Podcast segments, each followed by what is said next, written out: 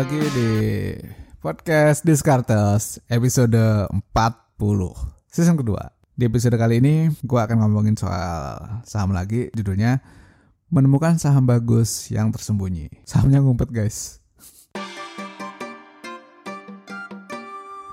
Buat teman-teman yang baru join ke podcast ini, ini adalah podcast tentang keuangan, investasi, ekonomi, dan bisnis. Di season kedua, gue akan challenge, gue akan kulik ide-ide yang dari buku, dari orang-orang, ataupun berita di sekeliling kita semua. Jelas ditambahkan dengan ide dari gue sendiri.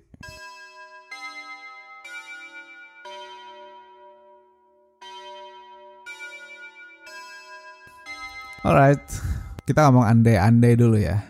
Andai saja 10 tahun yang lalu gue beli saham BCA misalnya. Atau misalnya andai saja lima tahun yang lalu gue beli saham TPIA kan selalu ada ungkapan-ungkapan kayak gitu. Andai aja terus-terusan kita akan susah dapat profit tinggi dari saham yang udah gede memang. Karena udah terlalu besar dan yang harus dikeluarkan. Kecuali memang masuk ke saham yang seperti itu dalam nominal yang gede pula. Sebagai contoh kalau beli BCA pas masih 3000 terus sekarang jadi 30 ribuan itu kan masih memungkinkan dengan space bisnis yang kosong sehingga ruang berkembang perusahaan itu masih luas juga, masih gede juga. Tapi logikanya kalau beli sekarang nih 30 ribu harus jadi 300 ribu per saham kan challenge-nya makin berat gitu. Karena persaingan udah jelas makin keras dan lain sebagainya alasan lainnya. Apakah udah gak menguntungkan? Ya bukan gitu juga. Tapi style investasi kan berubah jadinya. Misal, memang ngarepin kenaikan, tapi nggak beggar udah cukup dengan trading style atau ngarepin dividen, terus temponya disesuaikan, ya itu masih mungkin dapat keuntungan dari perusahaan-perusahaan yang gede. Kan di Skill Master juga udah pernah dibahas gimana sih itu growth investing. Nggak hanya dari sisi multi bagger juga, nggak hanya ngomongin berkali lipat dari harga saham pas kita beli, karena ada beberapa katalis yang menggerakkan saham menjadi sangat potensial padahal pada saat itu orang nggak mau masuk dengan berbagai macam alasan. Misalnya pas TPIA mendadak jadi saham beggar karena dia pas itu berhasil memanfaatkan momen penurunan harga minyak. Jadi margin keuntungannya itu lebar. Nah sebelumnya investor juga nggak ngeliat kan kalau kalian lihat grafiknya sebelum momen ini terjadi harga saham TPIA ya nggak gerak ya sideways gitu kalau kemarin ada Barry S yang tiba-tiba jadi saham beggar karena kalian tau lah kenapa kan beritanya dilihat di mana-mana gitu. Muncul tapi kita nggak bahas soal itu. Terus gimana sih screening screening saham biar nemu saham yang bagus padahal orang banyak tuh nggak ngeliat?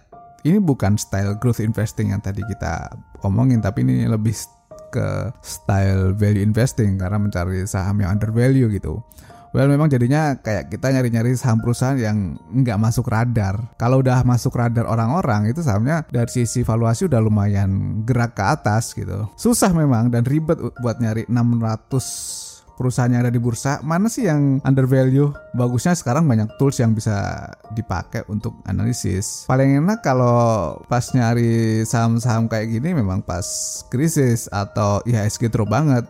Kenapa coba Ya karena pas masa krisis atau IHSG drop banget, itu even saham blue chip pun jatuh gitu. So, kita ngomong permisalan lagi. Andai kata kita nyari bukan pas IHSG lagi jatuh, gimana cara kita nemu saham-saham yang orang nggak ngeliat tetapi punya potensi? Yang pertama, coba mulai dari saham yang non blue chip, yang bukan blue chip. Seperti yang gue bilang di awal, blue chip itu memang punya potensi untuk naik, tapi cenderung sudah mahal dan terbatas karena itu model yang dipakai itu growth investing makanya. Lihat deh, kalau kalian cari saham yang bukan blue chip, pertama dilihat gimana sih market capitalization-nya. Sebenarnya nggak ada ukuran pasti, tapi gampangnya coba cari dulu perusahaan-perusahaan yang market cap-nya di bawah 20 triliun deh. Itu dulu deh. Buat informasi teman-teman, kapitalisasi TPIA itu sekarang sudah di atas 100 triliun. Nah, ya apalagi BCA itu udah di atas dia banget. Yang kedua adalah saham-saham yang perusahaannya masih memiliki potensi meskipun kondisi keuangannya well rugi di awal. Ini agak tricky emang. Tapi mencari saham di level ini ada kemungkinan besar pasti kalian akan nemu saham-saham yang aduh ada merah-merahnya dikit gitu Ya padahal profit kan tujuan utama ketika kita mencari perusahaan yang ngapain beli saham perusahaan yang nggak menghasilkan profit gitu.